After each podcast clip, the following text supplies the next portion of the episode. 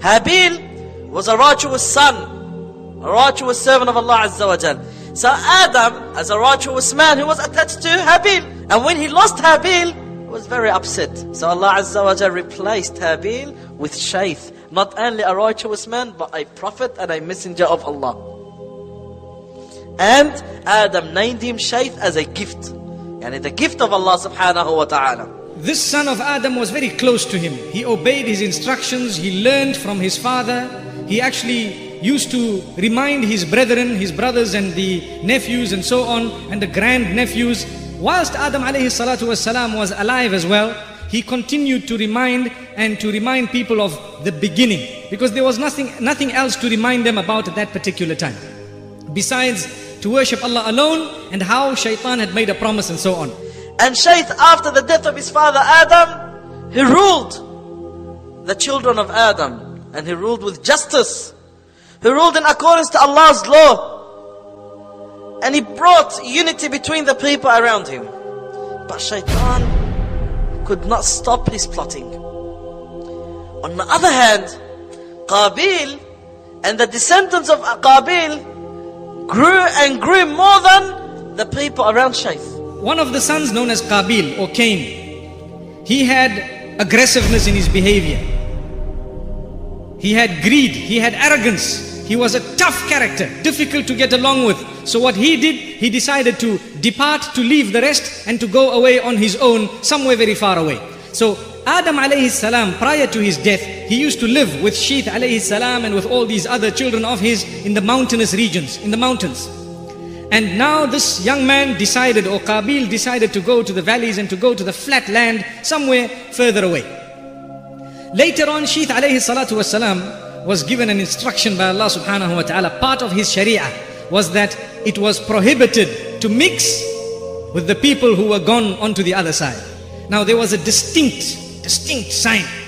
You could see very clearly the men from Qabil's side were not very good looking. We heard about that. And the women were very good looking. When it comes to where Sheeth alayhi salam and the rest of them were, the men were very good looking and the women were not that good looking. According to narrations, I'm not speaking obviously from my own pocket here. It says that Iblis, he made himself to a form of a young boy, like an apprentice and he went to a blacksmith who used to work with metal. And he asked if he could be an apprentice for that blacksmith. And what he did was, he worked for him and he designed a flute. And with that flute, he came out and he introduced it to everyone. He slowly started making sounds, sound that people had never heard before. Because there were, there were no sounds that people had heard. That was the beginning of time. And now he took he created a little drum and he beat it and everybody would come. What's that sound? And they would come around him and watch. Then he got a bit of metal and he started hitting it and then it created a sound and they came. And then he made a bugle and he started blowing into it and it created a sound and they came and they were excited. Wow, these people are intelligent. They are, they have advanced much more than us. And they got so engrossed in it that they slowly started forgetting the commands of Allah subhanahu wa ta'ala. On the other hand, Sheeth alayhi salam kept on reminding his people and he kept on telling his people what was right and what was wrong and so on. And on this hand, we find that shaitan is teaching them how to do evil, how to create evil. And so the flute was made and it sounded nice. It says that when he brought the flute to them, they started to move their bodies to the flute. When you hear musical instruments, the more you hear, the more every part of your body reacts to it. So they began to dance. This is how they introduced the musical instruments into existence. And through that, he would control them. They literally set aside a day, an evening, a Saturday evening, and amazingly, to this day, it lasts. To this day, it lasts. They set aside that evening where he would create these sounds, everybody would come around and everybody would listen to him. And everybody would literally party. Party, they would party. Until there came a time when some of the youth from Sheeth alayhi salatu wasalam were visited by shaitan. And what did he do to them? Something interesting. He went to them and he created a doubt in their minds. He made them ask a question. He made them question the law of Allah subhanahu wa ta'ala. Why is it that we are not allowed to mix with these cousins of ours, with these relatives of ours? What is the law all about? What is the reasoning? What is so bad about them? it says that the people of the mountain began to hear this flute. Some men were passing by close and they heard the flute. They liked the sound and they went in a direction because he said they didn't know where they were. They heard the flute one day and it attracted them and they went towards that direction. And these men, they saw the women of the land. Some of them decided, let's just have a peep at what's happening. So they came down from the mountains and they went. And from a distance they were watching and they had seen. And it pulled them. Imagine, they, they did not intend to engage in evil. But when they saw everybody is partying, and what did they see? They saw very good looking females. And so they went closer. And when they went closer, they were seen. Subhanallah. They were seen. And they were good looking men. So the women began to engage in what is known as tabarruj. Tabarruj meaning to start displaying their beauty and to start dressing up in order to attract. This was the first time shaitan taught them this. And the men and the women began to intermingle, and through the music and the getting together in such a fashion, it resulted in the natural and biological interactions, reactions inside the man and the woman. And the shaitan played his role. And so free mixing began to occur without boundaries. Our scholars say that this is when zina began. This is when adultery and fornication began. Slowly but surely, with the introduction of this first flute and music, which called for a celebration between men and women gathering and dancing, and over time, zina was carried out. These young men, they came in and they enjoyed themselves. They had music, they had women, they had so much. They were partying, they were enjoying, and they went away. So as the men came back, they told the other youngsters, hey, you don't know what you're missing out on.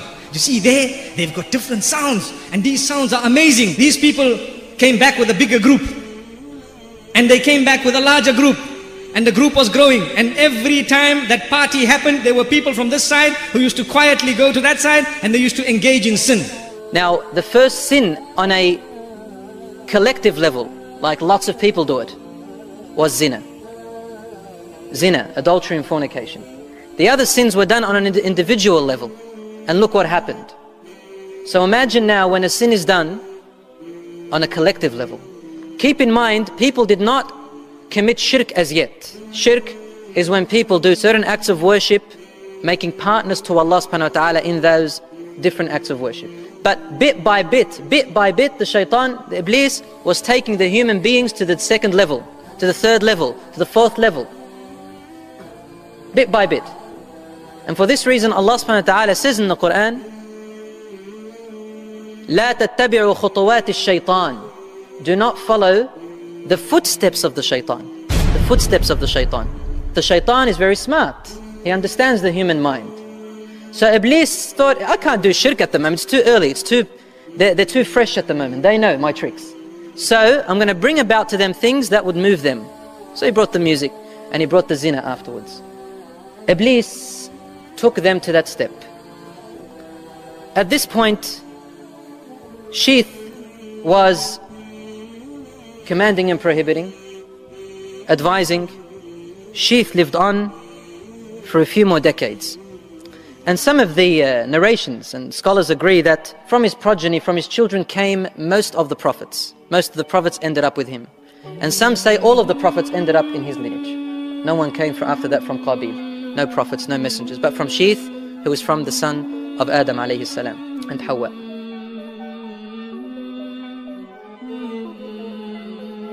Next, after Sheeth, he was entrusted in charge and then at his deathbed after him he entrusted it to his most noble son Sheeth alayhi salam entrusted it to his most noble son of many children his name was Enos his name was Enos who carried out his mission after him then after him his son Canaan and then his son Muhallalal took the charge of the mission Muhallalal is the one whom Persians they claim to be the king of the seven regions. It says that he was the first to cut trees, build cities and big castles.